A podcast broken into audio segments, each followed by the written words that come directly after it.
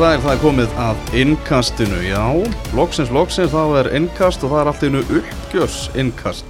Helvar Geir, Gunni Birgis og Tómas Þór með ykkur í þættinum að, að þessu sinni. Makkir að skrifa fréttir hérna hinnum með við, við hotnið og, og Ingo Sig. Það er starfstæður í, í leikskólanum, þannig að hann komst ekki, komst ekki frá, en bara fyrir kerri hverju. Það var frábært bara Já, það er mjög hugulegt. Þegar við ætlum að, gera upp Pepsi Max deildina, við ætlum að uh, opibera lið ársins í, í deildinni, besta þjálfaran, uh, besta uh, dómaran, besta unga leikmannin og hér eru að glemja ykkur líka, bara alls konar. En þetta er tíund árið í röð sem að fókbóti.net velur lið ársins, þannig að þetta er, þetta er söguleg stund, þetta er viðhafnar útgáfa. sem Já, við það er svolítið, já, já. Vel við hæfi Það er vel við hæfi og, og á Instagrami fókbalta.net þá vorum við í morgunum þetta að rifja upp fyrri úrvalslið ásins valina á .net en endilega kíkja á það í stóriðinu Og hvað var svona fyndnast þar? Það er fullt af, fullt af fyndi Hvað, hérna, liðið til mér bara 2010, ertu með það? Já, 2011 þá byrjaði það 2011 byrjaði Já. okay. Hannes Þór Haldursson, Daniel Lagstall, Skúli John, Rasmus Ú, skemmtilegt. Er verið- 2011? Já, getur verið mögulega nýju ár. Ok. Tíu tímambil á milli Rasmus. Mhm. Þetta er skemmtilegt. Uh, Mummi Messi, Matti Villa alveg henni heim. Haldur Orri, fín endur kom ár hjá honum. Gary Jó, Kjartan Henry kannski á heimlega líka. Teki nýju Þetta er skemmtilegt lið og, og gaman að segja frá því að þrýr í þessu liði mm. eru í hópnum í ár. Í 2011 liðinu? Já, sem var, voru valdið 2011 í úrvalsliðið eru í hópnum í 2020 liðinu. Þetta er bara, þessi menn eru eilífur Þessi menn er eilvíð, það er nefnilega bara algjörlega þannig sko. Þetta er, Segir það okkur eitthvað um deildina? Já, kannski smá. Nei ekki fara beint í neik Ekki beint í neik Heyrðu, ég var bara að pæli því, við förum náttúrulega líka yfir hérna, þessa ákvörðuna eins á, á eftir og, og ástandið og, og allt það. Það er óumflýjanlegt og ætlum að reyna að snerta á öllum liðum. Pepsi Max deildarinnar fara líka þess í lengjudeildina. En ég vil bara, ég vil bara byrja þetta og ég vil bara við hendum okkur í úrvarslið. Bara byr, byrjum þar. Já, ok. Og, og kíkjum aðeins á mennina sem eru þar og, og byrjum á markverðinum. Þar er Hannes Þór Halldórsson í markinu. Bara, Já, erfitt að nefna einhvern annan. Uh, Það væri þá kannski helst Haraldur Björnsson En Gunnar Nilsson uh, Já, að vísu, já, Gunnar Nilsson já, uh, svona setni luta Gunnar Nílsson Já, Já, já, kannski 17 mörg fengið á sig í langbæsta liðinu. Uh, bara virkilega solid framistæði á Hannesi sem átti mikið af svona leikjum þar sem hann stóð upp úr í valsliðinu og hérna uh, alveg klárlega uh, að sína sitt svona maður að segja rétta andlit núna loksins á, á Íslandi. Já, bara frábælega gert í honum og sýnir kannski ennu aftur bara karakterinn uh, sem hann er. Hann tekur kannski svona neikværi umfullun ekkit sérstaklega vel. Hann er, er mikið tilfinning að vera og tekur þetta inn á sig. Endur komum tímbilið var erfitt og auðvitað gerði hann það líka erfitt með uh, daburu framistuð á hans mælikvarða og uh, ég held að mér enginn gleyma svo sem þessu brúðköpi uh, og svona það var auðvitað mikið fjallað um það og, og svona hann er sér svona gæði sem að vill að þessi fjalla um það sem að gerist innan vallar. Uh, en því miður fyrir hann var það heldur ekki upp á marga fiska á hans standard á síðustu leitið uh, en aftur bara svona kredit til hans að snúa þessi bara við og, og verða aftur í þessari deild, það sem hann er sem er besti markurur Íslands. Ég meina, menn spila í, í alls konar deildum í, í sko miklu miklu herra leveli en, en ég meina, hann er Iceland's number one og hann síndi það allavega í, í þessari deildi í, sumar. Mm skiljanlega, það eru margir í þessu úrvalsliði sem eru úrval og þar á meðal eru bakverðinni tveir, þar eru við með Birkim á Sævason sem var alltaf einu bara þekktur markaskorari á þessu tímabili. Og í hinu bakverðinu með svona eina sögum sumarsins sem er Valgir Lundal Fredriksson sem er einnig uh, besti ungi leikmaður Pepsi Max deltarinnar 2020 Byrjum á, á Valgiri Já, vel að þessi komin uh, maður svona, við gaggrindum ég veit ekki hvort ég að draga þig með mér í svaði ég, meina, ég gaggrindi kannski þessi félagaskipti á síðustu leiktíð, mér fannst mjög skrítið hvernig Valur var að ná í þennan efnilega strák 2001 mótel uh, til þess að gera sér ekkert við hann. Og valsmenn verið allt annað en duglegi við það að leifa ungum leikmennum að spila. Þeir eru bara í allt öru mótili núna þeir eru bara með, með súperstyrnu lið og fara bara inn í öll mót til þess að vinna þau. Eh, og ef það vantar eitthvað leikmann þá er bara keift, keift ný súbustjarna til þess að sanna þau orð. Hefur náttúrulega hvað, 2-3 tímubili röð hefur besti ungi leikmannu vals á lokahónu verið kosin einhver sem hefur ekki spilað inn einustu mínútu Nei, eh, bara einhver annar flokkstrákar Já. eh, og við, við höfum þess að tala fyrir því að bara sleppa þessu velunum frekar sko. er bara, hefur bara verið vandræðilegt Já.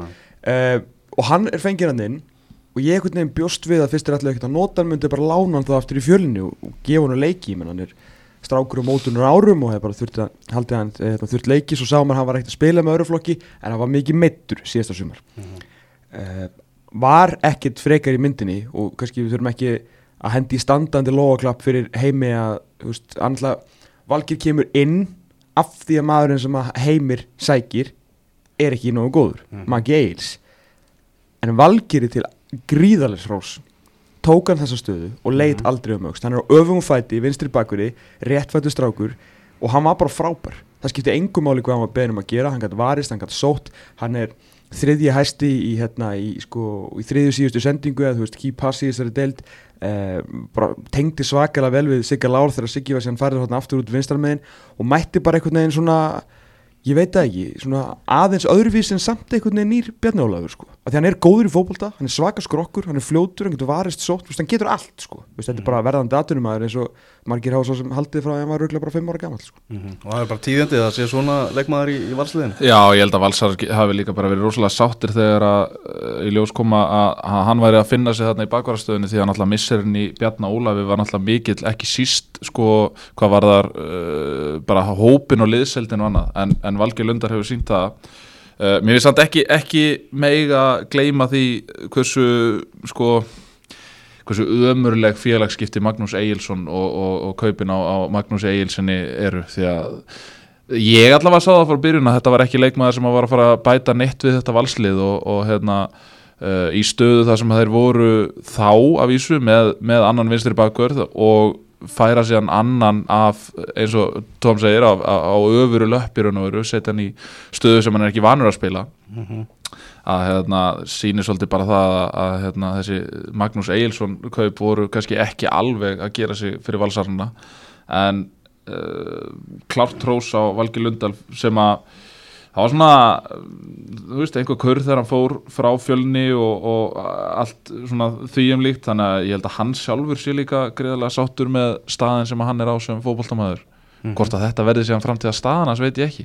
Nei, það er nefnilega svolítið svona Já, Það er nefnilega framtíða spurning ég, það er margt í hennan strák spurnið sko, og ég er svona þegar í þessari eilifu leit okkar að næsta hæri bakverði landsleisins þá er hann ekkit eitthvað þú veist, uh, eitthvað ruggla sjátt skilur menn hann er búin að spila vinstri bakverð þú veist, ef hann fer síðan bara yfir og sína löp tekur annað tíumbil með val uh, hérna, vonandi eitthvað atvinnumennska Mhm. þú veist, að því hann hefur einhvern veginn allt þú veist, í, í þessa stöðu sko, en þú veist, hann verður alltaf verður ekki vinstri bakverður eilifu sko Það er samt sko, hérna, til dæmis og mörkin sem hann sko, markið á móti vikingi til dæmis, mm.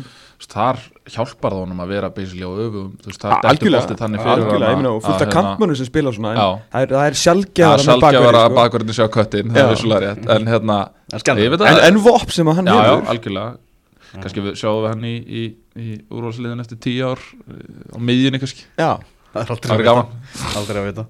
Það vondur vera bara í mennskunni. Já, já. Birgir Már Savarsson svakaleg saga hjá honum, náttúrulega bara endur koma í landslið er náttúrulega saga ásins hjá, hjá honum. Já. Og, og, og mark í þjóðadeldinni og bara það kemur ekkert óvart að Birgir Már Savarsson sé, í- sé í liði ásins það er kannski eitthvað sem, sem margir hefur bara spáð fyrir mót Já, ég held að það sé bara svona testament um hversu mikil dífa þetta var hjá Val á síðustu leiti að þeir gáttu rifið þennan ég kannski mesta fagmann sem við allan þekkjum hérna heima. Uh, hérna þeir náttúrulega eru gríðarlega fagmenn allir þessi strákar í, í landsliðinu og hann hefur sínt náttúrulega ótrúlegan stöðuleika á sínu ferli og hvað þá í, í landsleikjunum. Eh, það tók okkur svona 50-60 landsleiki að fatta hversu góður hann væri að hann var bara alltaf solid 7 solid 7 plus sko. En að valsliðið hafi náða að rífa hann með sér niður í svað á síðustu leiktíð held ég segja okkur ímislegt um hvaða vittlisa var í, í gangi þar því að nú bara spila hann eins og Birkjum og Sæfason og þá er ekki einu er ein, næsti hæri bakurur er svona kannski ljósáru eftir hann Mhm. Í hafsendurum, Rasmus Kristjansen í Val og Guðmundur Kristjánsson í FH. Rasmus náttúrulega leikmaður ásins í, í hérna, Inkasso-deltinni í fyrra Já, og er sann í liði ásins núna í Pepsi Max-deltinni. já náttúrulega eftir þessi meðsli þá náttúrulega hefur Rasmus einhvern veginn leiðin, leið eins hratt upp á við og hægt er náttúrulega þetta er svona leikmaður sem ég hefði seint uh, haldið að myndi vera byrjunleismadur þegar þú ert að bjóða upp á uh, já, varnamenn á borð við Sebastian Hellund, Or- Orra Ómarsson, Eid, Aron og fleiri. Að þá svona hefði maður haldið fyrirfram að, að, hérna, að Rasmus ætti að vera svona hvað, þriði, þriði hafsend kannski miða við söguna en, en hann síndi það eiginlega bara strax á, á undirbúinistímbilinu og undirbúinismótonum og öllu því að, að hann væri raun og veru bara hafsend nummer eitt og bara með fyrstu mönnum og blað hjá heimi virtist vera. Þetta er náttúrulega svona jákvæð mismunum sko, því hann er náttúrulega er, er fallaður Náttúrulega er örfættur, Örfættur, skilur- já, örfættur já, skilur já, já. Þannig að hérna, hann fær tækifæri svolítið út af því bara út af því hvernig heiminn vil spila. En síðan þarf það náttúrulega að Mhm. gera bara eins og, eins og Valgi Lundal og, og bara að halda þessari stuð Já, Og hann átti nú alla vondan leik held ég bara frá því að maður sá hann fyrst í janúar sko. Nei og svo ef, þú veist, ef við fyrir að tala um liðina eftir ég meina, veist, hann er náttúrulega bara risastór faktor í því að fjölnir fyrir upp um deild. Það fyrir fjölni að missa hann og svo hingaurin í miðvaraparinu er náttúrulega gríðarlega blóðtaka sem að eh, kannski spóar já, eins og við höfum farið margótt yfir máttu kannski ekki beint við. Já, þannig að, veist, það má ekki gleyma þessum faktorum í þessu þó að náttúrulega Rasmus sé ekki fjölnismæður hann náttúrulega fyrir en eru bara þarna gaggjart til þess að jafna sig að meðslum en ég, þú veist þe- þegar hann er að koma tilbaka úr þessu og sjá hvernig valsliðið manna ég einhvern veginn skal alveg viðkynna það ég held að Rasmus er þið bara áfram með bíli fjölni. Já, það var umræðan um það sko. Og Ási búin að gefa það út að hann vildi fá hann aftur og, og svona, Einmitt. en hann bara neldi þessa stöð. Eru Gumi Kristjáns í, í FH? Já, það hefði svo sem alveg verið hægt að setja Guðmannana líka, allavega ég hefði alveg getað sett Guðmannana líka en kannski svona nokkra heimskulegar ákvarðanir hjá Guðmanni sem að litu dagsins ljósi sumar og þá kannski sérstaklega í leiknum gegn val uh, sem að svona ríða bakkamunum fyrir hann en uh, Guðmundur Kristjánsson bara frábær alltaf þetta tala um að hann eigi að vera miðin og jari jari Ég er hrifin á hann sem hafsend. Ég er það líka Já. og hérna, hann hefur svo gott presensin á vellinum, hann er svo veist, alltaf í standi og svona stýrir með kjaftinum og, og gjörðum sko, þannig að þú veist, leads by example svona þannig gaur en, en hérna já, alveg fyllilega skilið að vera þarna Gumi, Kristjáns Færum okkur á, á miðjuna og þar er uh, ungur maður á, á, á miðjunni úr, úr Garðabænum, Alex Þór Haugsson. Náttúrulega frábæleikmaður og tekur við fyrirlega baturu fyrir þetta tímabil. Ég held bara áfram svona sinni þróun allan í, í þessari deild sko. Ég, hérna, ég fær hann að óttast að kannski til að byrja því neikvað að þetta verði Já, óttast á að fagna því að hann verði bara fastur póstur í þessari deild. Uh, Það verðist ekki vera sem svo að, að hérna, hann hafi það sem að til þurfi til að spila í, í atvinnumennsku en sko, nú höfum við séð bara Pétur og Pál fara út hérna undarfærin ár. Hvernig má það vera þessi gaur sem er svona, veist, hann er fitt og fysikal og fítna boltan og jari jari, skiluru mm. En hann, hann er kannski ekki meir en fitnabólta Nei, nei, það, hann það er það kannski sko. Hann er það ekki. En Þannig hann er með fínan fót En hann er kannski tæknilega Já, síðan hann er ekki bara ótrúlega skinsamur og bara hann kann fótbolta. Ég meina ég, ég veit ekki um marga sem ég séð koma inn í deildina 17 ára með, með þennan fótbolta þroska ég meina bara eins og Bjarni Guðvans var að tala um við okkur á, á lögadaginn Já. bara fótbolta þroski þú, veist, þú serði ekkit svona haus á dreng Nei. á þessum aldri. Þannig að ég er alveg sammálið, ég skilir þetta ekki en þú veist þetta er samt raunin Já, já, enn, sem kom, það sko enn sem komið er Ég man Eh, þegar ég sá hann bara fyrst spila, var ég við hliðan á einhverju stjórnumanni Mm. og þá var hann bara alveg kott, kottnungur sko. mm. Það var bara, þetta verður fyrirliðin hjá stjórnunni eftir, eftir bara smástund. Veist, Það var bara, bara eh, búin til til að vera fyrirliði. Sko. Hann minnir mig um margt á svona kannski að Finnur Orri Margesson hafi verið með aðeins meiri yfirferð Mm. þú veist, í sínum leik en mér fannst við tala svolítið svipað um hann þegar hann kom inn í blikalið bara Mhm. jafn gamall held ég á Mhm. sínum tíma og Finnur fekk auðvitað svona sprett í, sprett í mennskunni sko og hérna ég er alveg vissu það ef Alistór Haugsson væri með þú veist, einhverja svakalega drauma og umbóðsmenn væru bara hringjað út um allt, þá myndi hann að sjálfsög fá tækifærið en, hérna, maður er svona, ég talaði nú eitt stjórnum fyrir einhverjum tveimur árum með leikmann sem að sagði að þetta væri nú kannski ekkit svona það væri ekkit eitthvað að sopna á nættum þar bara, hérna, láta sig dreyma þannig um þetta, þetta myndi gerast ef þetta gerist. Þú veist, hann er, hann er að fara að spila sin hundraðasta landsleik bara- Nei, hundraðasta hérna, félagsleik fyrir stjórn, í meistaraflokki fyrir stjórnuna uh, bara í byrjunasta tímbils og maður hefði líka haldið það sem að svona hræði mann ennþá meira er að hann er komin með í raun og veru þrjá landsleiki. Hann var náttúrulega valin í þrjú uh, eða tvö verkefni eða eitthvað svoleiðis. Þannig að hann er komin með þrjá landsleiki sem eru oftar en ekki bara auglýsing. Algjörlega. Og minn alltaf undir 21 ársferðilega hans líka, Já. Líka flottur þegar hann Var ekki hann sem kom inn þarna eftir að Gulli Tómasar lagaði Jú. landsliðið þarna og, og við lokum á Írana. Þurfti varnatengilið inn í liði takk. Já, hann kom og slögt að þeim. Uh, og líka bara svona til þess að að útskýra þetta val þá náttúrulega í, í svona defensive duels uh, statistikinni frá Væskátt þá er hann með, uh, með flest slíki í leik sko. Þannig að þú veist það er alveg meira á þetta heldur en bara svona einhver ást okkar á, á Alistór Haugssoni, hann var bara, var bara góður og, og eiginlega bara langt besti leikmaður stjörnunar sem að og eiginlega kannski stóra ástæða fyrir því að stjarnan er það lið sem að uh, overperformar samkvæmt sko mörgum skoruðum á sig í XG og XG sagt, og stigum sem þau eiga að fá og eiga ekki að fá. Mm. að það er ekkert liðið deildinni sem er meikar jafn lítið sens og stjarnan. Veist, stjarnan er fallbaráttulið samkvæmt sko ef og hefði. Mhm. en Alex, ég ætla ekki að segja hann hefði einn gert þetta en Alistór Haugsson á risastóran þátt í því að stjarnan samkvæmt tölfræði er bara níunda, tíunda bestalið deildarinnar en þeir eru bara hlægjandi að leiði Evrópu sko. Mhm. þannig að þú þarft alvöru mann til að rífa liðið svona hátt Mhm. Spilum fjóra þrjá þrjá með Alex á miðunni eru Valdimar Þór Ingemundarsson í fylki sem að skellti sér náttúrulega verðskuldað í atvinnumönsku eftir framúrskarandi framistöðu uh, og svo Lasse Petri hjá, hjá Val Já, Lasse Petri maður sem að uh, já bara, þú veist, var hann ekki kom ekki einhver tímabúti þar sem hann var utan hópsjóval Það kemur ekkert Mér minnir einhvern veginn eins og það hafi verið eitthvað allavega, þú veist, hann var ekki fyrsti maður að bekk einu sinni oft á tíðum og eitthvað svona. Þannig að þannig eru við líka með aðra endurkomu. Uh, og Valdimar Þór náttúrulega já, ef ekki að segja svona þú veist, ef við tölum um Alex Þór sér stór ástæða, þú veist, Valdimar er náttúrulega gigantísk ástæða fyrir því að fylgir endar á þeim stað sem það er enda sko.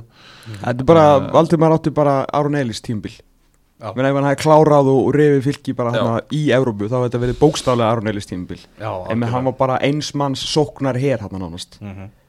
hann var bara algjörlega, algjörlega frábær og, og verðskull á tækifæri í, í mennskunni. Já, þeir eru svo sannlega skilið þessi menn að að vera í þessu úrvalsliði. Þá er það sóknarlínan og hún er ekki af lagari endanum þessi þrý sem, sem að fremstir eru. Byrjum á, á Aroni Bjarnasinni sem að gekk í ræði valsmanna fyrir þetta tímabil og sá fór með heiminskautum á þessu tímabili.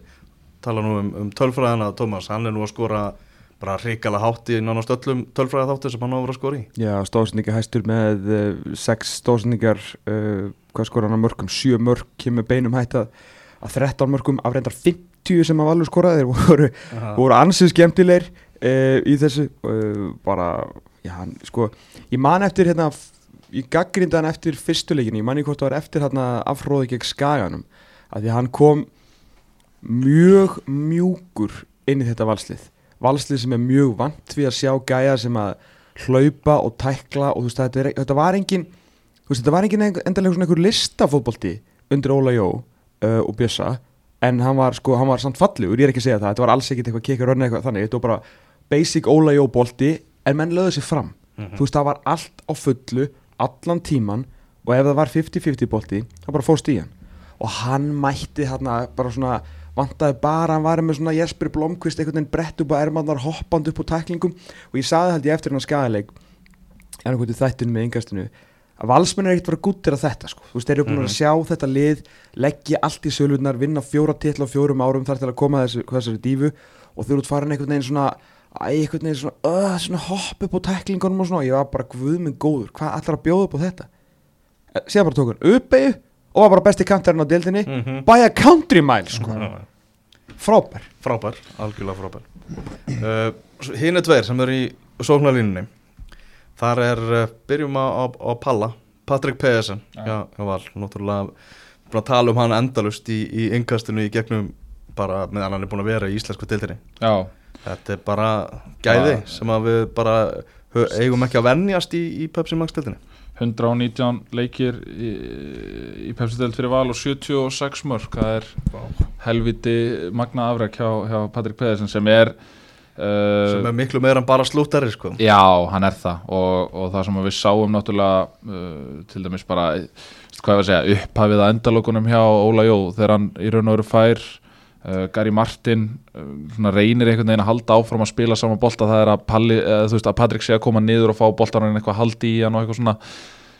Gary náttúrulega fóru yfir á, á þeim tíma náttúrulega er hann ekki þannig sendir og það virkaði einfallega bara ekki og, og hérna, þannig að það var svona reynda að replacea kannski, þú veist, iPhone með einhverjum svona gömlum takkasíma eða eitthvað svona skilur sem að virka samt alveg. En hérna, þannig að þú veist, það er svo sem þú veist, ég held að séu rosalega fá lýsingar orða eftir til þess að lýsa Patrik Peðisen, hann er náttúrulega þú veist, jú, þetta tímabil hjá Stephen Lennon er gott og Stephen Lennon svona jafn besti leikmaður kannski síðustu fimm ára eða eitthvað svo leiðis en, en Patrik myndi ég segja að veri besti leikmaður sem við höfum séð hérna undarfærið já bara þú veist, undarfærið tíu ár. Já, það er þetta að bera saman tvo alveg hágæða leikmenn Já. í þessari deil sko epli og epli sko. Já, það er erfitt. Já, það er nefnilega málið. Já, kalla. Stephen Lennon, hann er einmitt uh, síðasti maður sem við ættum að nefna í þessu úrvarsliði og hann er ekki bara í úrvarsliðinu, hann er einfallega leikmaður ársins 2020 að okkar mati og við bara fullurðum það, við erum pott héttur á því að hann hefði slegið markamettið ef að deildin hefði verið klárið með, með alltaf, það, hann var á þannig rekordi að, að það hefði held ég alltaf gerst sko Þú veist, í, einhverjum svona á einhverjum köldum, köldum vetardegi einhver varnamaður aðeins að gleyma sér og gefa víti og mm Mhm. Stífin Lennon á punktinn er bara Já, fyrir utan að það er bara því líku slútar Já. og, sko, alltaf í færum en í þessari baróttu, kannski til þess að segja það sem að reyð bakkamun og millið þessar að tvekja því að ég er alveg sammála að kunna í því að Patrik Pedersen er þetta eru þeir tveir bestu sem að ég hef séð hérna allan frá því að við, tveir bestu erlendu leikmennir Já. sem við höfum séð hérna frá því að við byrjum að að fjalla um þetta hverju viti. Uh, sko Stephen Lennon er með XG upp á 10.72 skora 17 mörg Palli 12.24 skora 15 mörg þannig að veist hann er svolítið að skora það sem hann á að skora en það er náttúrulega í frábæru liði. Sko liðið uh, er að gera sko töluvert betur með XG og það upp í það sem við erum að gera. Og mannstu vorum að tala við hérna Bjarkama Ólafsson aðaleikreynda Ala Rabbi uh -huh. uh, hjá, hérna, hjá heimi og hann sagði bara við okkur eða ég spurði hann, er Stephen Lennon bara tölfræðilega MVP í þessu móti Mhm. hann bara já, það er ekki flókið FH væri líklega ekki í Evrópusæti ef að Stephen Lennon hefði ekki verið á þessari vegferð sem hann var á í dag Mhm. á þessu tímbili svo miklu máli skiptan þeir eru alveg jafngóðir það munar bara tveimur mörgum á endanum og Patrik Pedersen er Íslandsmeistari það er náttúrulega stórmunurinn en án Stephen Lennon væri FH mögulega bara þú veist að fara að slá á lán í bankanum því að það væri engar Evrópu krónur dettin sko. og það sem að er svona vætal punktur í þessar umræðu er að maður sá alveg leiki þar sem að Patrik komst ekkit í takt við leikin Mhm. en, en ég man ekki eftir FH-leik þar sem að Stephen Lennon var, þú veist, ef að FH var að fá færi á annar borð, að þá var Stephen Lennon í þeim veist, það, það, er, það er basically munurinn á þeim en, en veist, maður sá alveg leiki þar sem að Patrik Pedersen var ekki alveg á deginu sinum og miklu bara, þú veist, við sjáum líka bara hvað þeir hvað þeir enda í þessu móti bara Já. með stig og mörg skoruð þetta er bara algjör dóminans sem að segja okkur það að það voru miklu fleiri vopni voru miklu fleiri hjá Vals Já, Lennon var oft bara skipti þarna. kannski ekki öllu máli ef Nei. Patrik nýtti ekki færi sér þá var bara Aron Bjarnason mættur kannski. Sigur Egil Lárusson Já, Siggi Lár setni lutan hafa bara allt í Já, skeitunum já, já. og Kitty Freyr datt á sprett svakalega og tíma, Lassi Petri var fann að sko skallamörk þáttur að ná alla upp úr skónum og þú veist þetta bara var alltaf bara frábærir. Algjörlega. Þannig að við erum að tala um það að svona er, er lið ársins, leikmaður ársins er Stephen Lennon, bestu ungi leikmaðurinn er Valgeir Lundal og þjálfar ársins, það er að sjálfsögðu Heimir Guðjónsson sem að mætti bara frá fjöregjum og, og, og var bara Íslandsmeistaratitilin aftur, það er ekki flóknar en það. Nei, tók bara fjöri með sér og, og pakkaði þessu mótið saman með basically sama lið og, og púpaði bussunar bara fyrir árið síðan sko. Ákvæðlega. sjö landsmeistaratillar það er helviti vel gert Það er svolítið vel Já. gert, sko. já. Á 13 árum sem aðal þeirra. já, Það er helviti gott. vinner, algjör Rekin vinner eftir þriðja seti því að FH menn eru auðvitað ekkert fannir að sjá eftir því en hann gerir þetta einhvern veginn svo smúð og faglega, einhvern veginn kemur inn í þennan bolta aftur einhvern veginn Mhm. bara svona smá léttur og skýtur á menn og svona og ekkert að, að gefa allt og mikið að sprengjum eitthvað í viðtölum og eitthvað og Passa sér vel sko. Já, svo bara En, hann. enn og aftur þá megum við náttúrulega bara þakka heimi fyrir að það var yfir höfuð á einhverjum tímpúti spenna í þessu móti því að hann ákvaða að byrja á því að vera með liðið sitt eða bara kól vittlust Já, það er svo- leifðu verðum að vera með En Partiðan er bara að byrja á hann- þessu lið Já, einmitt.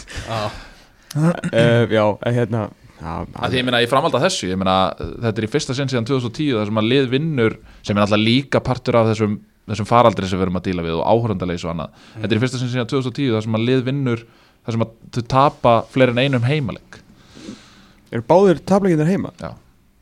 Skæin og og, Og KR Já, rétt. Þannig að þetta höfum við ekki séð undanfæri nári ég meina undanfæri nári þá hefur titil, uh, titiliðið bara annarkort tapað engum eða einum. Býtu Valur Káur var fyrsta umverð Skæin og okkar fjórða eða fymta já líklega. Og þeir lögðu bara þá tableiki á hillur eftir það? Já.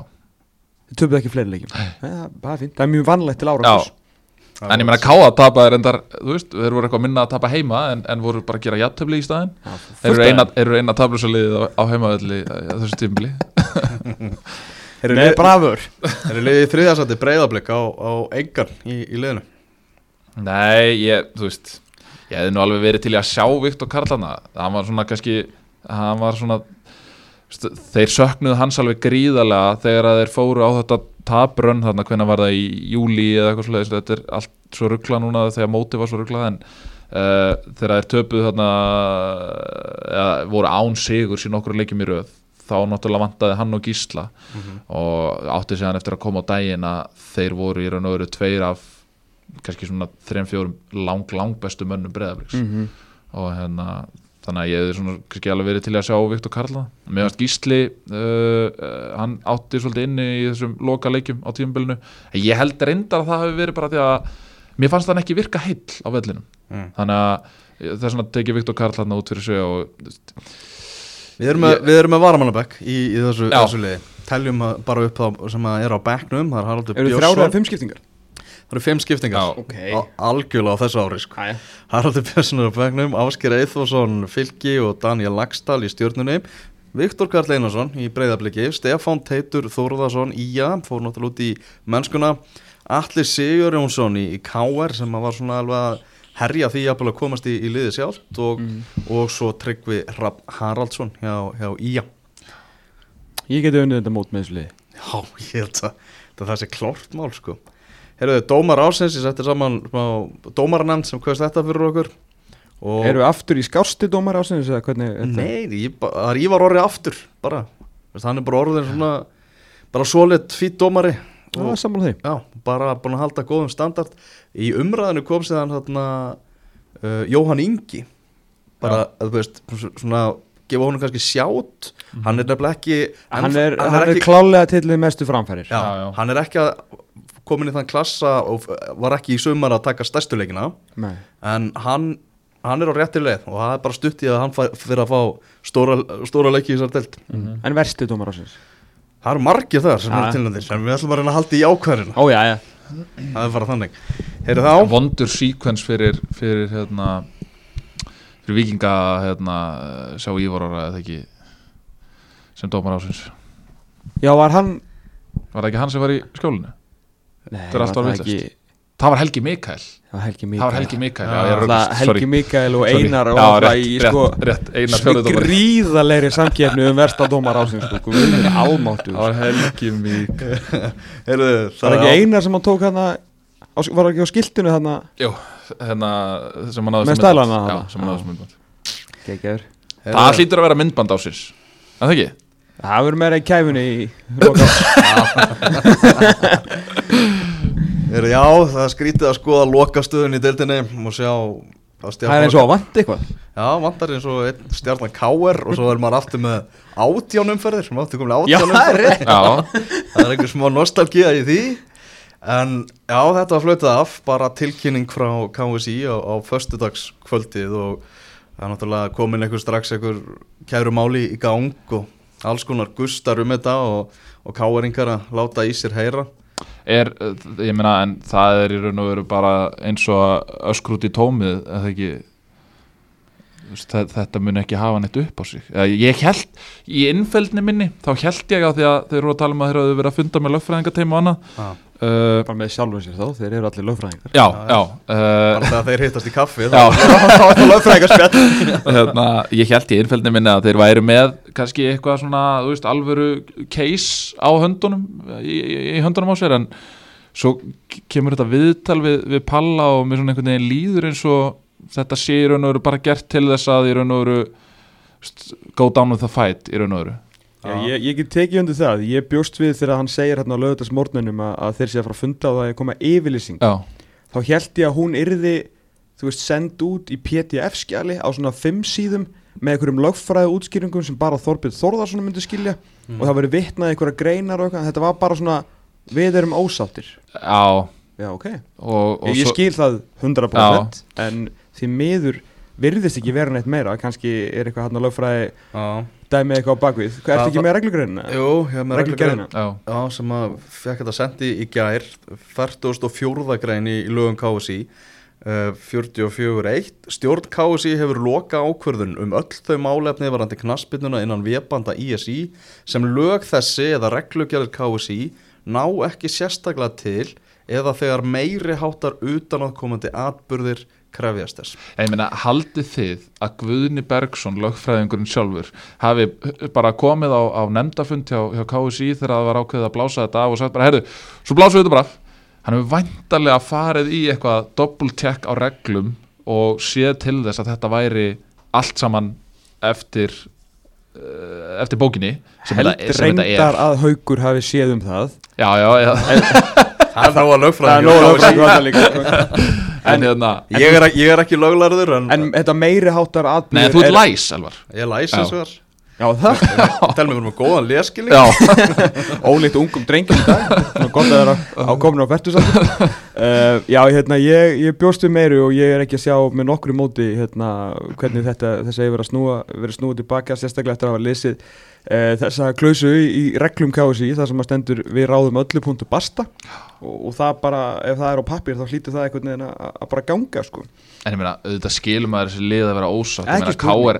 K.R. Ef, við- ef við tölum, ef við einföldum hlutin alveg rosalega mikið, þá er K.R. í raun og veru sko, einum Óla skúla frá því að vera í Evrópu eða, sko, eða þá við getum sett þetta líka yfir á blikana, blikar, klókindi blikana að spila við fjölnismenn. Þú veist, ég meina eru menn ekki, ég meina, þú veist þetta nú er umræðan í, í samfélaginu svona einstýrð umræði í samfélaginu búin að stýrast svolítið af því að, að það er allir að tala um að, að þennan, þessa dagsetningu, fyrsti des, fyrsti des. En það er ekkert talað um hina regluna sem að var líka sett fyrir tímabil að ef að tveir þriða mótinu eru búið að þá má flauta af þannig að þú veist, það er raun og veru í reglunum að þú veist, ef að menn sjá fram á það að ná ekki að klára fyrir fyrsta des að þá má flauta af ef það eru tveir þriðju búnir á mótinu. Þannig að þetta voru í raun og veru tvær reglur sem að mátti fara eftir. Uh, eða þannig skildi ég þetta allavega. En ég trúi því að þetta hafi verið hugsunni á breyðarblik með hvernig fjölnir var að spila þá þegar hafa hugsað við verðum að fá þennan leiki gegn og þegar við vitum ekki framhaldið. En það var náttúrulega að leiki, það var Já. Já, það, það var það náttúrulega álæginum það, betur lokað það var það Þú veist, náttúrulega það, þú veist, klókind er alveg rétt á orðið Já. því að þeir treystu sér í hérna leik Já. en þá voru þeir að hugsa um við ætlum ekki að enda í þremur leikjum viku í lokaðum fyrir skilju, en og endanum græða þeir tvöfald sko. Já, já, þeir gera það En ég meina, en sko þú veist, ég, Þetta er eitthvað sem að verður síðan gert væntalega upp með liðunum En ég meina, Við veljum, við, veljum Sko- þe- við veljum þetta eins og það er White Fox ákvörðun ásins já, já, þetta var einn fólks ákvörðun ásins sem spilaði fjölni Eðna, uh, Úlfgjöri refir. Algjörur Ég meina, lið hljóta hafa haft þetta svona back of their mind að móti gæti verið blásið af hvernig sem er. Og það, það var þannig í reglunum fyrirfram að móti hefði geta verið blásið af hvernig sem er. Þannig að veist, ég vil trúa því að þetta hafi verið pælingar einhverja þjálfara eða stjórnamanna í þeim félögum sem að tala nú ekki með svo í fyrstu deildin það það, eru allir meðvitaður um þetta þú vita af þessari reglu Já. og ég veit að þetta með, með mína menni í leikni þegar kom að leika mútið Viking Ólasvík það voru að berast neikvæða fréttir og mm Mhm. -hmm. Þórólfur á að þungti í honum hljóðu og svona og það var alveg sagt Heru, við þurfum að vinna Viking Ólasvík, Mhm. þetta getur orðið bara síðasti leikur okkar á mótinu sko. mm -hmm. Menn voru alveg meðvitaður um þetta Já, bara, já, eins og segi, bara eðlilega ég meina, þú þarf svolítið að sníða stakkandi vexti þegar, hérna, aðstæðunar í samfélaginu eru bara alls konar á einhvern veginn og, Já. og þú veist, og við sáum það að það tók alls ekkert langan tíma fyrir í veru þessa þriðju bylgju að grassera þannig að, þú veist, eins og þú segir að um leið og eitthvað svona aðeins fyrir að, að kræla á að, að hérna, þetta gæti verið í einhverju smá boppa þá, hérna, þú veist, þá vil ég allavega trúa því að lið hafi svona hugsað út í það að þú veist, nú verður við, þú veist, þú ferð ekki í neitt leik, svona kannski svona aðeins að stíga af, af bensíkjöfin út af því að það eru kannski margir leiki framöndan eða eitthvað svo leiðis, að þú veist, þú er nú að spila bara hvern einasta leik bara eins og hann síðan síðast á tímabilinu sko. Ég meina svo á K.R. sko eftir leiki gegn fjölni og gróttu. Ég meina þetta er bara lið sem get ekki unnið Já, Þannig að þú veist þetta er náttúrulega bara þungt fyrir, þungt fyrir káringana sjálfsögur náttúrulega Þetta er bara svo, þú veist að það er alveg þungur róður í rekstrinum hjá þeim eins og hjá fleiri, fleiri félögum og þeir eru að missa rosalegum penning hana og, og það er svona vissra að það er endunýjunar þörf innan leikmannahópsins og allt þannig og það er erfitt þegar það er ekki krónur í kassanum Já, já, ég meina, þú veist, við veit allir fyrir hvað þeir, þeir standa og, og Bjarni Guðvars talaði alltaf um þetta við okkur að löga þetta en að í K er bara sett út lið uh, bara það er 11 um að lið í fyrstu umferð sem á að vinna Íslandsmóti, sko Já. þú veist, það er ekki, sko, Stefán Andi Geisson Hjalti Sigursson og okkur tveir strákar í viðbútur á öðrum flokki er ekki að fara að byrja fyrsta leik á næsta ári bara því það er hart í ári, sko þannig bara virkar ekki knæspunni fyrir Reykjavíkur Já. sama hversu góðu þessir ungu strákar eru sko. uh, þannig að þeir munu alltaf alltaf redda sér þetta verður auðvitað, auðvitað miklu erfiðara og maður skilur það sjálfsög þetta er ekkit eðlega ósangjant þeir eru í verstu stöðunni af öllum í Pepsi Max deildinni Mhm. það er ekkert lið sem hefur jafn mikinn rétt á því að vera, vera fúlt Í nei, ekki neitt lið sko, ef fylgir eitthvað aðeins en þeir eru svona held ég síður bara svo sátti við að hafa orðið svona eh, bara relevant aftur og konum að identity og bara þú veist á gott tíumbil og þeir bara we go again sko. Sko, eitt, eitt í þessu. Uh, Valur fór þarna þegar Valur fór hvað lengst var það ekki 2000, og- 2018 sem að Valur fór hvað lengst í Európa-kefni þá fengur 144 miljonir eða eitthvað svo leiðis uh, hv- hver er ef við, ef við tökum svona kannski íslensk, íslenska leiðin er, hefur verið svol- svolítið undanfærið að detta út bara strax? Já, þau eru svolítið í því. Já, hvað er, þú veist, hver er peningur til dæmis bara eins og fyrir, þú veist, bara ef við tökum bara sem dæmi, þú veist, þó að þú sér þetta, þú veist, hver er peningur fyrir Víking Reykjavík að komast í Európa-kefni mm og detta út í fyrstu umferð? Þú veist, er þetta, þú veist, er þetta algjör groundbreaking upphæð? Af því að mér finnst ég heyra alltaf svo mismunandi Sko, þetta er hérna komast í fyrstu umferð er 240.000 eurur og hvað er, hvað er það? Það lélugur er- í reikningi sko. Já, ég, ég, saman. ég er Já. mjög góður í honum eins og heyrist í Já. þetta á lögadaginn Ertu ekki með tölvu fyrir Já, fram það er þess að sama Jú, ég er einmitt með 12 uh, Þetta eru 40 miljonir ok, uh, Ég veit, það sem ég veit ekki er sem sagt að því að preliminary round já, sem er hérna hét áður færiða leikirnir en ég er hættur um að við sem að fara dætt í það núna já, það eru 220, veist, ég veit ekki hvort að liðin veist, að því að ef að, ef að færiða til dæmis, ef þú veist Gíbraltar Já. liðin sem fara í preliminary round fá 220 fyrir að komast ángað ég veit ekki hvort að þau fá sér líka 240 fyrir first round en vanlega er að tala um 40 miljonir ok, það er gengið í dag. Ok. 40 miljonir, hvað, þú veist, hvað ætli kosti að reka krassmyndu fyrir að reykja ykkur í heilt ár? Ég velta hans ekki eitthvað staðar eitthvað, vel sjönunar af 200 miljonum er þetta ekki alltaf eitthvað um 150-60-70 miljonir já, er ekki alltaf sér allt tala um já, þetta er kannski bara, þetta er upp undir eitt þriða veltunni sko. Já. Já, já, það, jú, jú, það er alveg klálega, það munar um, alveg klálega og sérstaklega í þessu ástandi. Já, þetta er bara langstæstu peningarnir í dag. já, Það síður á, á káringum, formaður KSI hefur náttúrulega alltaf verið annarkort valsmaður eða, eða káringur, alla tíð. Já. Leigubíla sagði um, um að Kristi Kjarnæst já, Endur tek leigubíla sagði, það er Mhm. að nóga sögum sem er að fljúa já, það er alltaf að vita að, sko, Hvar er landsbyðin? Ég, veist, ég kalli til landsbyðin Já, Ég meina, fáið grjótarðana landsbyggð ég meina, þú veist Ég, hef, ég hugsa að það sé það eina í raun og veru, þú veist, landsbyðin hefur nú talað um það, ég meina, þannig að fóru nokkur lið illa út úr þessu af landsbyðinni, ég meina, eh, í raun og veru má segja leiknir og magni hafi farið illa út úr þessu og, og hérna, uh, og fleiri lið, þannig að hérna, ég væri til að sjá einhvern góðan á landsbyðinni, bara til þess að, þú veist, ég meina, þetta er náttúrulega bara partur að að veita aðhald, sko, sama hvað menn segjum um guðuna þá er þetta bara, þú veist, eins og ég segi, bara partur að það veita aðhald, sko. Já, já, það er alveg, alveg klart mál Já, mikil vonbreið fyrir Káringa uh, Óli Skúla, við rættum við hann náttúrulega í útastættinum á, lögadaginn og bara virkilega málefnalegur og flottu þrátt fyrir þetta að vera vonbreið hjá þeim þá, bara sagði hann við þurfum bara að býtið að svona er bara ástandið og þetta gerðist. Var, var mjög svo flottur uh, vonbreiðin náttúrulega í, í víkinni Tom, mm. það var ekki, það var ekki gleðilegt tímabil. Nei, heimavöldurinn stóð ekki undir, undir nafni að þessu sinni.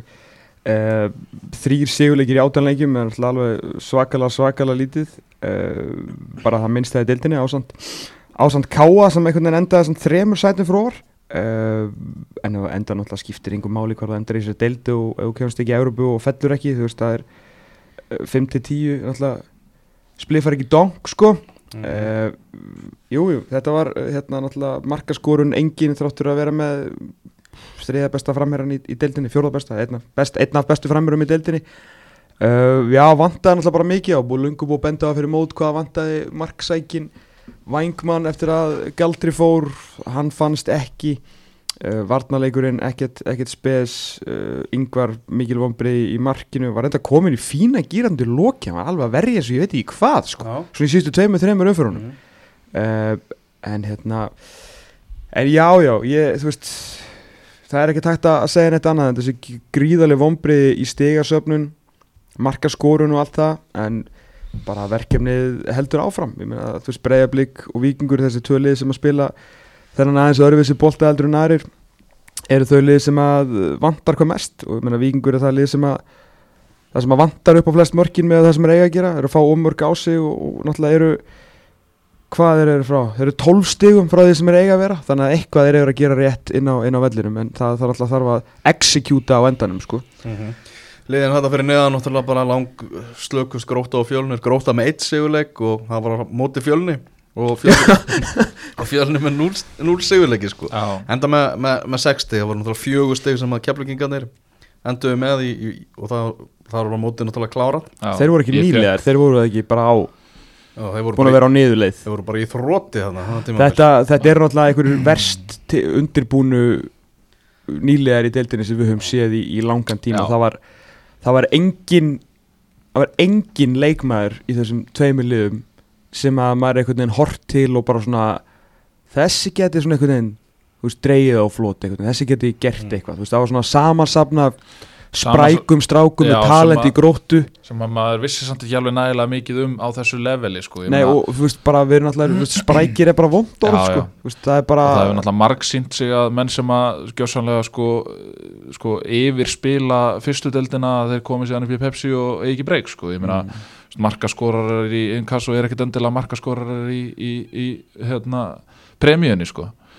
En það, veist, það var, það var náttúrulega hérna, þóruðar gleði hjá gróttumönum eftir hérna sigur á móti, móti fjölni sérstaklega og, og hérna, náði stig hérna, móti stjörnunni og eitthvað svo leiðis Mhm. á útivelli sem var náttúrulega bara vel gert en það var, það voru senda pillur á mig fyrir að hérna, spáða þeim eitthvað, ég spáði þeim held ég undir tíu stig, mig, og ég var með eitthvað veðmál í gangi og svona, ég meina það þú veist, nú bara borga borga og, og hérna, bara gleði og, og hérna þannig að, en það er alveg rétt að þetta var ekki, þetta var ekki gott sumar fyrir, fyrir gróttu og ég svo sem, og ekki bara þess að nýlega þetta var já, já mér fannst samt sko, mér fannst fleiri leikir hjá fjölni þar sem að þeir voru, þar sem að var svona, ah, eitthvað svona, ah, þeir hefðu nú geta ég, það er alveg rétt hjá þér, ég meina með við sko, það voru- X points, það, Já. það vantar 15 stig sko. já, Já, þeir eru að vera bara með að deild Já. þeir voru rosa mikið bara, heyru, þeir eru drullu Já. og klaufar Já. Já, klefar. já, og náttúrulega skoruðu ekki neitt. Nei, þú veist það var bara svona, herru, hérna, það er allir og ömmur þeirra og mér er þess að hundarnir þeirra að segja, hérna, allir ekki að fara okkur framherja. Mm en auðvitað hvað átt að finna framherja? Mm. þú veist, ef það væri svona auðvitað, þá væri allir með 20 marka mann sko. það er nefnilega málið. Ég, ég var að heyra það að vera bara hugasamt í fjölusmönnum bara fyrir næsta tímabil. Já, hans er búin að framlengja og Já, algjörlega. Já, ég meina, þú veist Við við vorum að ræða það hérna ég og Maggi á skrifstofunni hvort það getur mögulega verið þannig að þú veist að 2019 og 2021 í B-deildinni verðið með m- betri lið heldur en í Pepsi Já, og séum ég meina, það þeir eru með og hafa verið með góðan annan flokk til dæmis og, og það eru að koma þarna góði strákar upp. Nú þarf bara að gefa þeim alveg rækilegt tækifæri segir hann til dæmis í markinu. Þetta er náttúrulega bara framtíða markmaður fjölnis og, og vonandi eitthvað meira að, þar, þar, hérna, þar framöndan en Talandi En nú um eiga Magma, þeir að- Há, Hákon í grótu hvað, verður hann áfram í grótunni? Það er nú kannski leikmaður sem að svona hann átti, átti dabra leiki, átti líka þrjusu flóta leiki. Já, en takk eftir því að þegar við erum að ræða þegar við erum að ræða leikmenn bæði í fjölni og gróttu að þá erum við alltaf að tala um sko, jú, getur ekki eitthvað, lið notaðan, þú veist, ef við erum að tala svona getur ekki eitthvað lið notaðan Nei, ég er, ég er ekki be- beint að tala um það Ég er bara svona, hann er Já, í hvaða lið ætlar að setja bara þræl efnilegu markmaður. Og En hvað, ég meina- hvað er hans næsta skrif á ferðinum? Já, en á hann ekki bara spila? Ó, bara nó Lengi til den hörku deild Þannig að Er hann 2000 og 2001 eða ekki? Hann er ekki yngri 2002, getur það verið? er það ekki Líður eins og hann sé, þú veist, hvað er 2001? Er það, Það er 20 Er Hann það er ekki- hann er 2001 Hann er já, 2001, er það ekki útskrift úr hann er ekki útskrift úr Vestló eða eitthvað svo leiðis? Já, held það og hérna, sko, há, Hákon er á svona, hvað á maður að segja, ekki hættulegum aldri en, en, en hann er á þannig aldri að þú veist, bara því meiri reynsla því betra en, en eftir tvö ár, jú, klálega þá, þá þarf hann að fara að huga að því að, að taka skrefið upp á því, við skulum ekki glemma því að markmennin svona oftar en ekki með lengri líftíma heldur en, heldur en yngri leikmenn og, og yngri markmenn eiga það til að svona, já, við höfum séð að, til dæmis bara eins og í FH og, og fleiri liðum að við höfum séð að yngri markmenn eru svona kannski ekki alltaf að fá þau tækifæri sem þeir eiga kannski skilið, sama hjá fjölnin alltaf uh, þannig að uh, Það er samt alveg kannski einhver lið sem að vilja bara nýta það að hann sé farið niður og, og heyrðan ég meina, kannski beitir á örugla 1, 2, 3 ár eftir í káver en kannski vil bara Rúnar ef hann getur þú veist, taka bara skrifi núna bara veist, þakka beiti fyrir velinu störf veist, að það, það þarf að fara yngi upp og allt það. Uh, Breiðablík náttúrulega sjálfsögur orða sem Óskar náttúrulega maður sem að gá hann um sensin og, og hann ekki sáttur.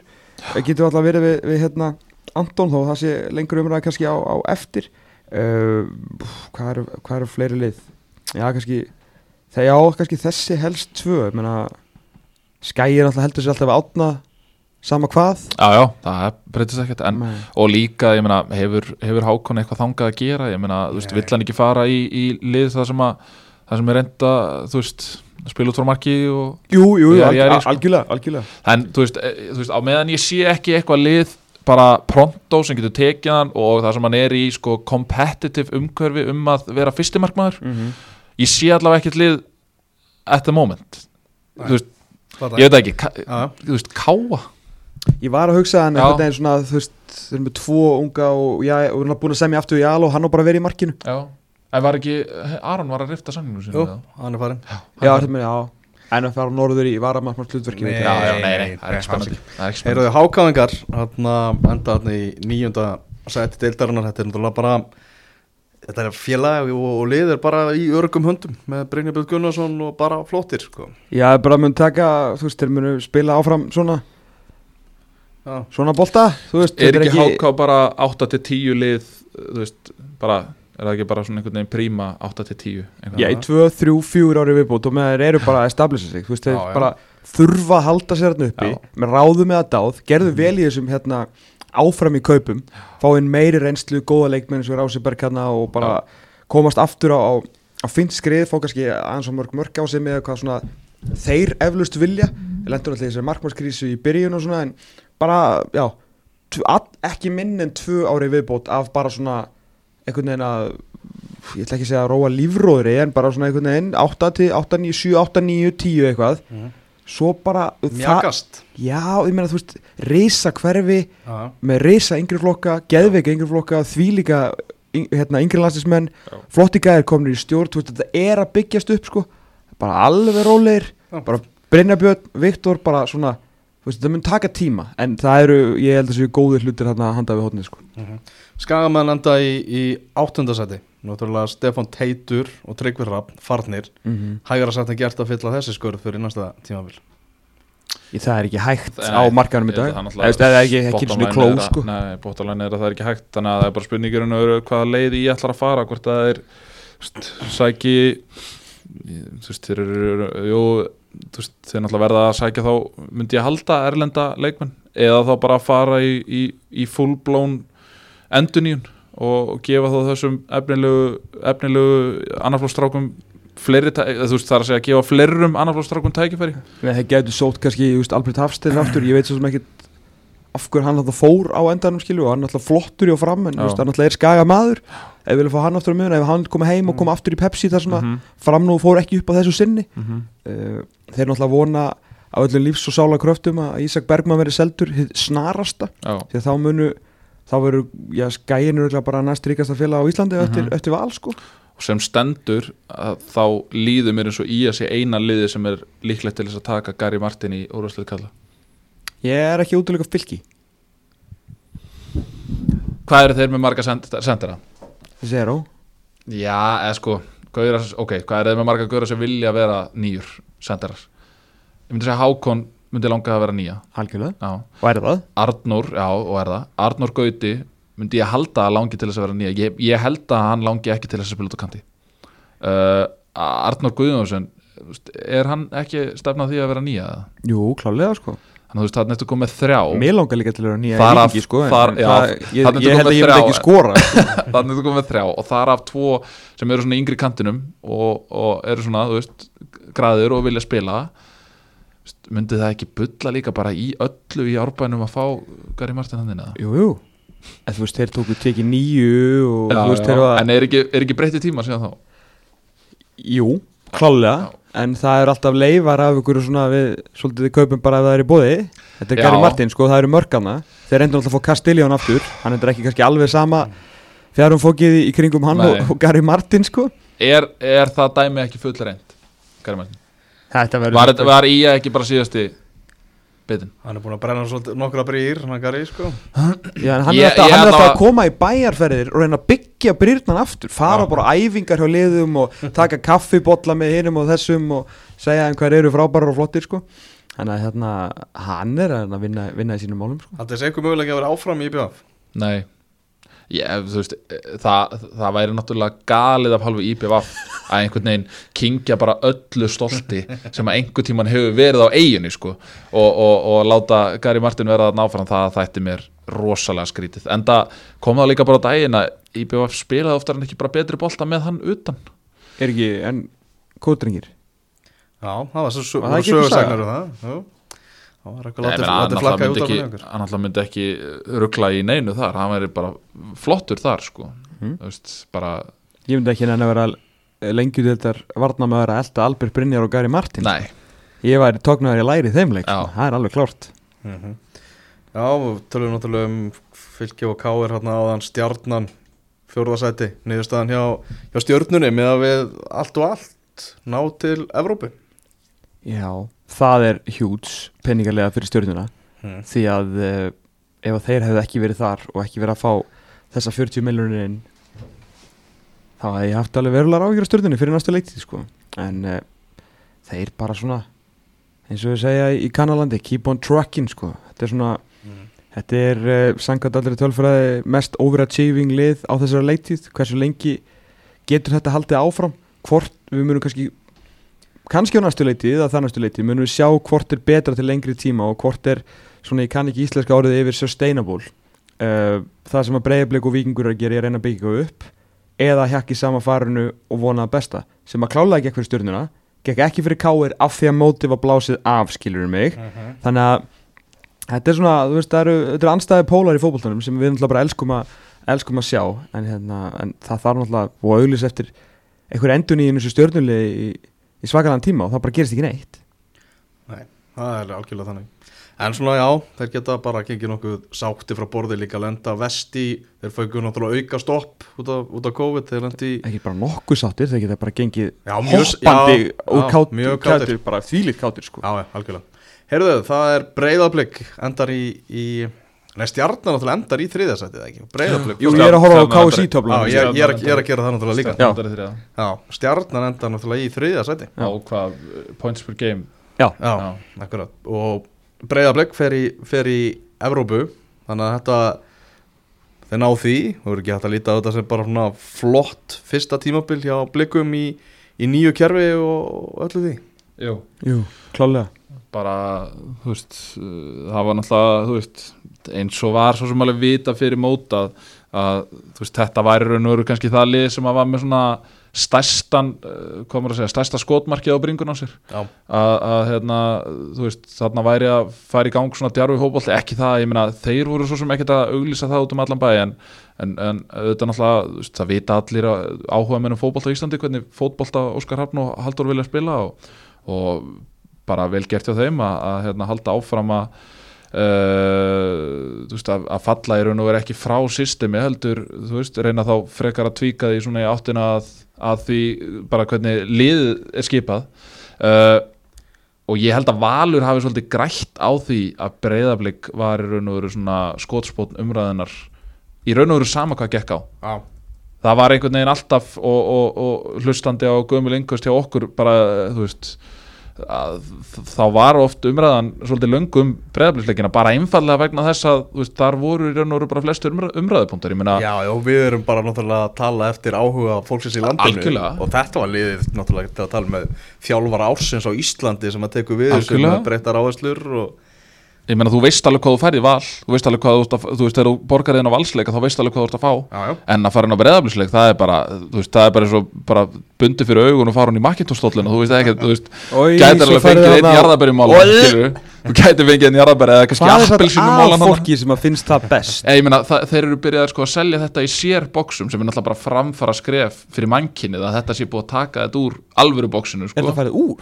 það þú getur keift box sko án þessara móla og svo getur þú keift box bara með þessum mólum. Viðbót. Þannig að þú veist, þannig að fólki sem að kaupir það veist, En ef þú kaupir fá- það Já. og þú lappar út úr búðinu með það í hendinni býður fólk eftir Já, bara með slopp? Já, veist, það er náttúrulega bara ritað inn á eitthvað hæli heimitt, heimitt En þú veist, það er það sem ég er að segja með, með blíkaliðið að, Sko að leikmennir vissu ekki sjálfur alltaf út í hvað þið voru að fara sko. Nei, og, og, og koma það finnst mér svona, svona smá exotist þú veist, þú veist, mér, mér, þú veist þetta er djarfur sjálfsögðu en ég vil trúa því að þetta er það sem að veist, við verðum að gera til þess að ná okkur upp úr þessum hjólfurum veist, ég er ekki að segja þetta sé leið inn en ég er að segja þetta sé leið upp úr þessum hjólfurum sem við erum stattir í sérstaklega ef við horfum á Európufótboltan að, að veist, það, það, er, það er eitthvað þarna. Og, og við höfum verið að sjá sá náttúrulega í þessum síðustu leikjum hjá honum uh, í raun og veru þú veist, hvað maður að segja fjórir, fjórir tveir með, með tíkli eða þú veist, með Brynjól sem falska nýju og mér finnst þetta bara þú veist, ekki gefið þessu þú veist, bara svona veist, einhvern sem að ég hoppaði hæð minna með í Vestló var kannski svona 7-5-8 af 10 sem að blikandi fá? Mm. 7-5 kannski.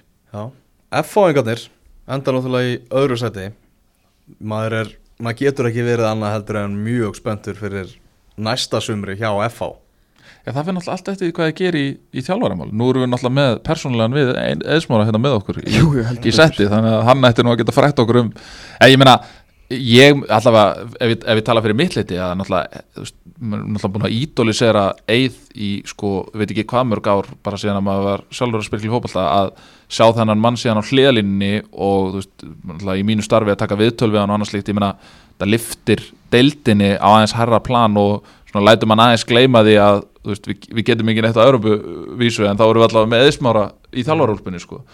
þannig að já, ég vona að það sé priority nummer 1 til svona 12 að, að halda eðsmára hann inni. Sama hver verður með honum sko. en hann þarf auðvitað að fá einhvern, einhvern góðan með sér. En, en svo náttúrulega veltum maður fyrir sér. Ég veist, er hann komin á þann stað að, að, að, að þú veist, vera í, í nóvambirinn í skessunni og, og hérna, þú veist, vera að drilla einhverja varnafæslur og eitthvað svona ég bara veit það ekki, þekki ekki mannin sko. Mhm. Það er áhugaverð hlutir alltaf að gerast í, í kriganum og ég veit Já. að þar er hugur að bara herja á sjálfan Íslandsmeistaratitilin og sjálfsögðu á næsta tímabili að sjálfsög, það er bara, ég meina þeir voru í raun og veru eina liði sem að hvað maður að segja, veitti val svona almennilega samgefni, fyrir utan alltaf leikin á móti val, þá var það þú veist. Það má kannski segja að það hefur verið meira svona káir og, og breyðablík sem hafa verið svona í svona einhverju spennuleikjum við val. Þannig að hérna, uh, þú veist bara þessi lið sem við höfum verið að nefna Valur FH, breyðablík og svo er verið frólægt að sjá hvað gerist í, í káir, hverjir kannski hætta og hverjir halda áfram og annað slíkt og þannig að þetta verður óglemalegt mótelti á næsta ári og vonandi verður við með áhörvendur og fullarstúkur og, og, og allt í partí sko. Titil bara áttu.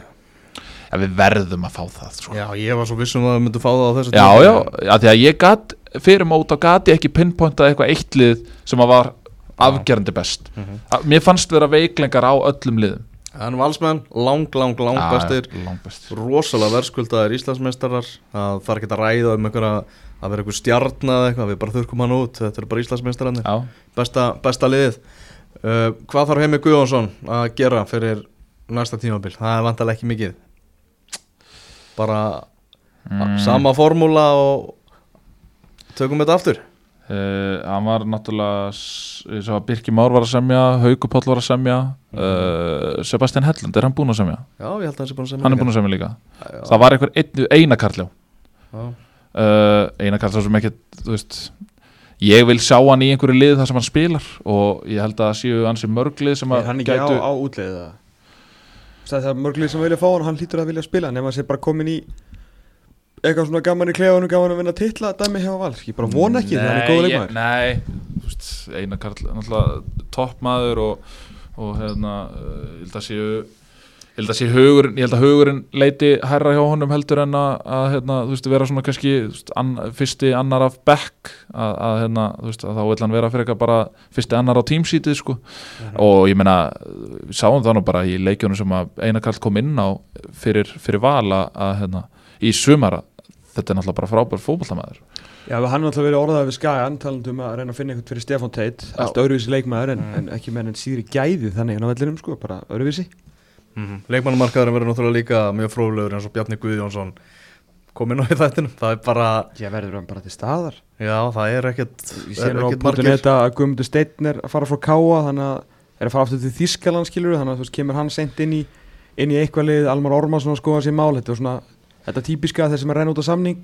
Ég heyrði að Arnór Smárasson get- getur verið að íhuga að, að skella sér heim. Ok.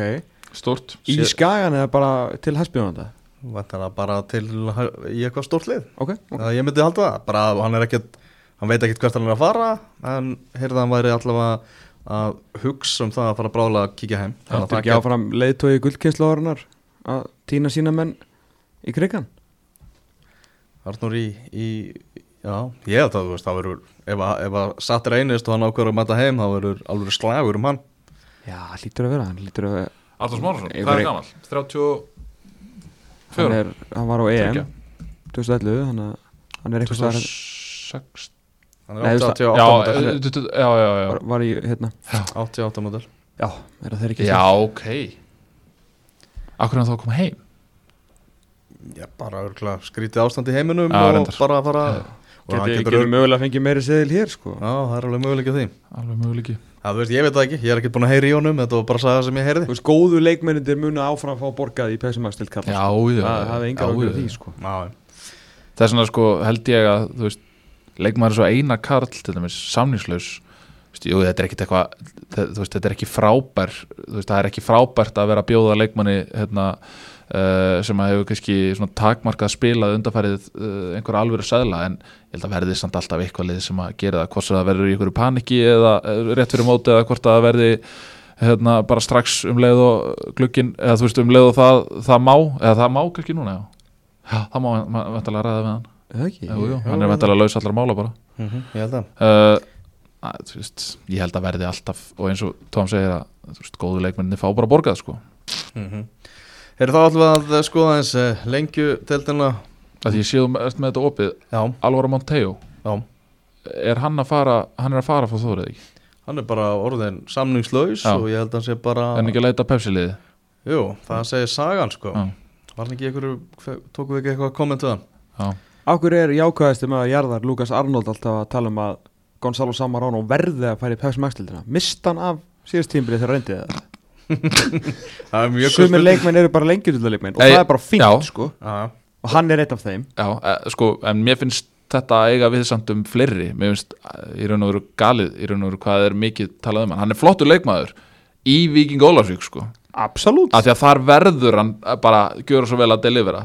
Sama með Alvaro Monteo Já, 100% og ég er alveg sammála því að þú veist, ef að þessi tveir fara í Pepsi ef að þessi tveir fara í Pepsi-deldina ég held að þeir, KFC er búið að taka með þess að þóslókuð af Alvaro já já, hann er bara með spánarfánan Spánarfáninu með hérna, uh, ég heyrði því fleikt að stjarnaverðin hans bara búin að ganga frá uh, kaupum og, og kjörum á Gonzalo Samarano Stjarnan, já, ok. Eða allavega það væri langt komið. Þeir fóru vist, það voru einhverjur að skoða hann í einhverju leikjum hérna á Ólafsvík og eitthvað svo leiðis en, en hérna hann að mér svona skilst að það sé allavega eitthvað komið áleiðis. Ég, svo sem gengi ekki kannski alveg svo langt að segja kaup og kjur og annað en uh, þú veist, ég hugsa að þeir vilja væntalega sjá hvernig hann kemur úr þessu meðslum, hann var alltaf í einhverju aðgerð og eitthvað svo leiðis og sama með Monteo, ég meina veist, það er alltaf eitthvað leið að fara að taka hann held ég. Já, en, já. en ég held að either way að þá verði þeir báðir vonbreiði því miður. Þeir, þeir með alveg endilega sanna öfugt sko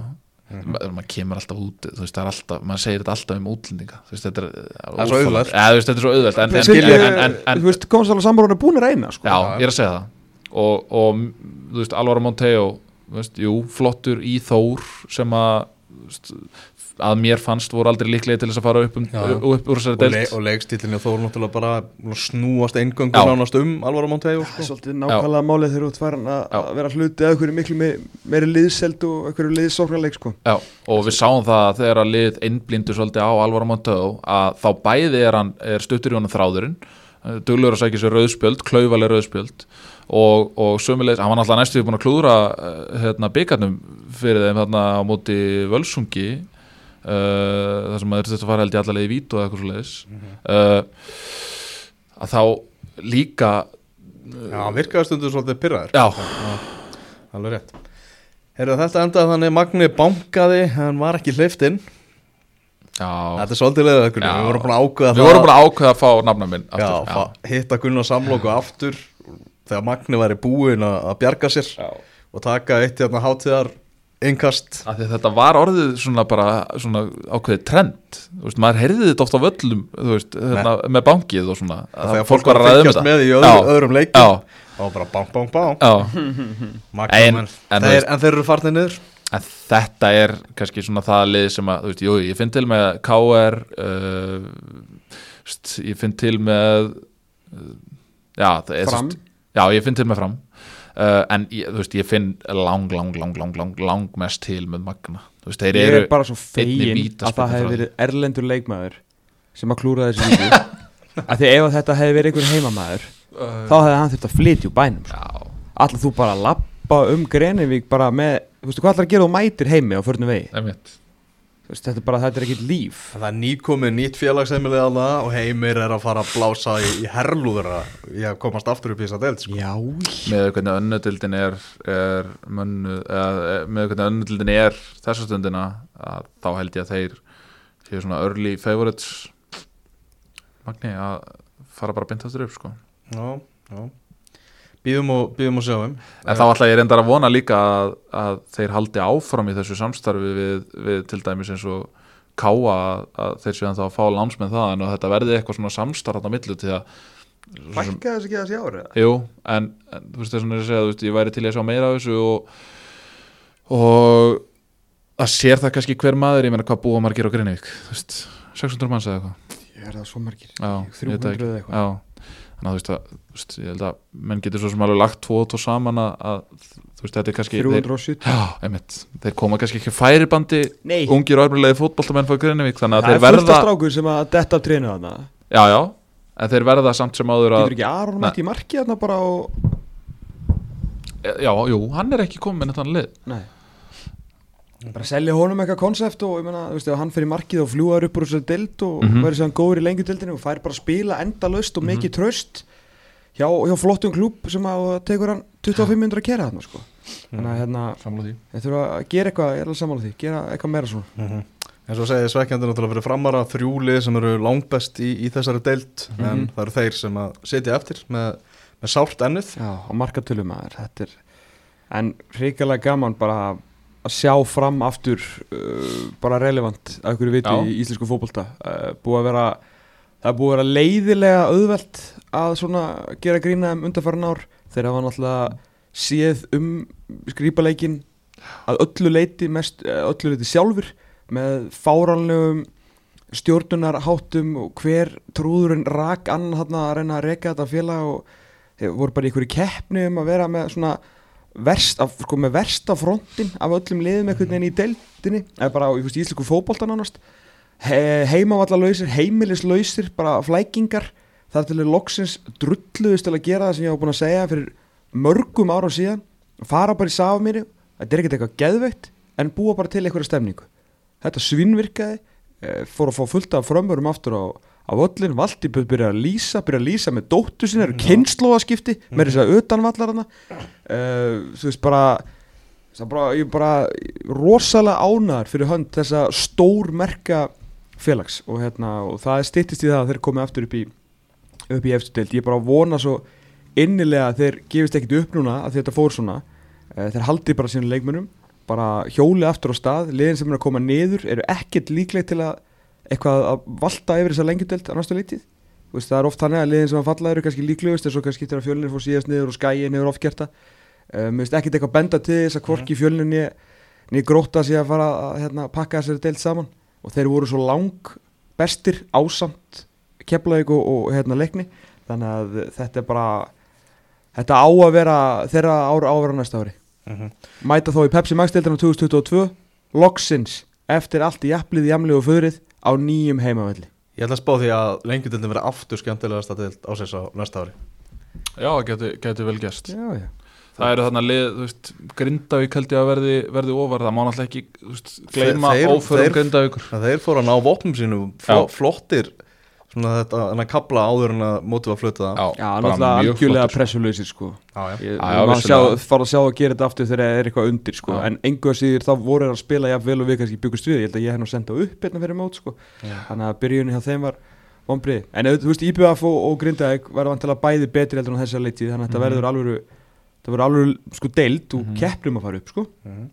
Ég held, Þór- að, ég held að Helgi Sig verði bara áfram með, í Vestmanni Já, já, þryggjára program Þannig að það er bara aftur bara við góða gæn mm. og, hérna, og kórdrengir náttúrulega komnir upp á svona selfisingum það eru nýju tvöliðin í lengjudeldinni á næsta tímabili. Kortrengir ættu náttúrulega að geta herjað á topp 5 myndi ég held að já, eða fyrir náttúrulega svolítið eftir kannski hvaða leikmennir kaupa Já. eða fá til sín. Já, já, það getur nú verið þá búið orðað Sam Hjússon við á og hann var, sá ég á .net að hann farin frá fylki. Mhm. þannig að ef það gengur upp þá er það þokkalegast í bytti í. Já. og rúmlega það. Uh, Albert Brynjar he did it last time sko. Það, eru, það er eitt tíumbil síðan hann pakkaði þessari dild saman sko. Já, þannig að það er og hérna hefur verið svolítið duglegur í að pakka þessari del saman? Já, þurfa þær ekki ef við erum alveg bara svona brútali ónins með kortringina fyrir næsta ár þurfa þær ég sá bara ekki nógu mikið á hann ég er bara ég, svona ég sá ekki nóg mikið að þeim sko. Ég bara, Þeir þurfa allan að einhvern, einhvern risa hafsend Þeir þurfa Já, sorry. Já, þeir þurfa, þurfa lengjudildar level hérna, hafsend mögulega markmann en náttúrulega að kannski vera eitthvað að henda þessum unga strákarnar úr markinu. Uh, Já, Sam Hjússon var flottur á miðuna til að koma kannski með svona aðeins meiri gæði ekki bara svona reynslu og, mhm, og vinnusemi en þeir geta, já, klálega gert eitthvað sko. klárt Þetta verður erfið deild. Eina sem ég er að það spáði hvort að Davísmári muni finna ég rætti þetta held ég líka aðeins fyrir sumar hvort að hann kaupi þjálfara líka en hvort hann ætla að sjá um þetta sjálfur.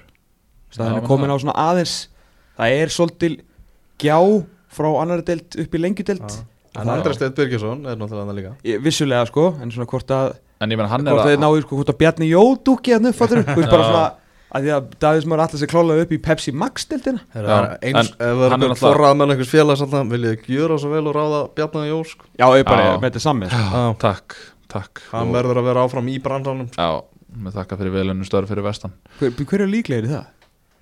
Já, já taka hann já er, hvað, er eitthvað löst? Þróttar að skoða sér mál, það er ekki Já. ekki að vita hvað verður það Vá En já, Nei, Þjálfara fimmann át eða? Ég, ég hef ekki hugmynd. Það er ekki svo bara liður í hérna poppunkti hvað náðu þið að stýra mörgum leikjum? Einum. Einum, já. Töpu honum að heldur sér uppi það er Þetta er, þetta er algjörð Það er mjög vel gert. Þýlingur álugur Þetta lið ásins En sko, en sko uh, Það hefur svolítið verið skautað framhjá finnst mér árangri uh, sérstaklega hjá okkur í innkastinu árangri Magnús og Más Mm. uh, þú veist, góðvinnur innkastins vissulega uh, en það má samt ekki gleyma því sko að þetta lið árið 2019 var að mínum að þið þú veist, á pappirum hvað var þar sko veist, og, og, og, og, hérna, verðmiði liðsins í fyrra myndi ég halda að hafi verið svona þrefalt dýrari heldur en liðið sem Magnús Már mætti með til leiks afturhaldika liðið sem Magnús Már mætti með til leiks á þessu ári liðið bjargaði þess verið frá falli í síðustum fyrir fyrra. Uh, með eins og ég segi rándýrtlið missa uh, helling rétt fyrir mót uh, samt sem áður ekkert vesen, spila skemmtilega fótbolta pluss í markatölu Já, Uh, 37 mörg skor 37 mörg skoruð 25 stig og aldrei í raun og veru í einhverju, barátt, í einhverju svona fallbaráttu. Já, við sér það fram með 41 mörg skor sko. Já, og þú veist, og við höfum verið að tala vel um vestra, þú veist, hann endar þú veist, fimm stigum eftir IBF sko, sem að við náttúrulega garanteriðum bara upp fyrir mót en auðvitað var það sorgarsaga og allt það. En, þú veist, mér finnst alveg þú veist, það er svona smá leiðilegt hvað Maggi er raun og veru tengdur umræðinu út af því að veist, það hefur raun og veru verið alveg skauta framhjá þessu í svona flest öllum veist, umræðu þáttum og annað slíkt að veist, mér finnst að megi alveg fá recognition út af því að ég er ég ekki, ég ætla ekki að fullir það en ég myndi halda að sko, þú veist, að þú getur fundið lið í sko neðri hlutanum á pössulilt kvenna sem að væri sko svona tvöfald dýrara heldur en afturrildika liði sem að Magnús Már mæti með til leiks. En ekki gera með, gera betri hluti með berra lið uh, í mun erfiðari dild já með deildin- að sko. deildin miklu sterkar hjá mínum að heldur enn í fyrra þannig að já, þetta er alveg, alveg rétt hann bara mætir alltaf á hvítu skónum og spila fallega fótbolta, sumir í þessu liði ekki margir, það er alveg nokkur leikmenn sem að svona trúa ég kannski ekki alveg á hverjum degi þegar ég vakna þessi að spila í lengjudildinni sko. mm.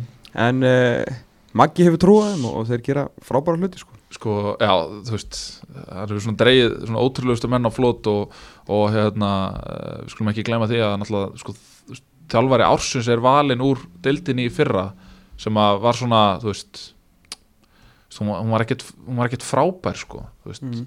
það voru gróta þetta var fjölnir uh, Við höfum við talað um það, þú veist, munurinn á teltinu núna í ár og í fyrra já, var eitthvað en í fyrra var, voru flestlegin bara svona við ætlum að taka þetta ár og kannski á næsta ári þá stefnum við að fara upp. Mm núna voru miklu fleiri lið sem bara ætlaði sér upp úr sér af dildin alltaf upp. Og ég meina, og við sjáum bara í ár ég meina, Unnar Steinn fer í, fer í FH uh, nei, fyrir fylki segi, Fyrir Fylki. fyrir fylki. Uh, Vúk náttúrulega fer í, fer í, hérna, fer í FH en það gerist þetta fyrir tímabilið eða gerist það á Já. tímabilinu.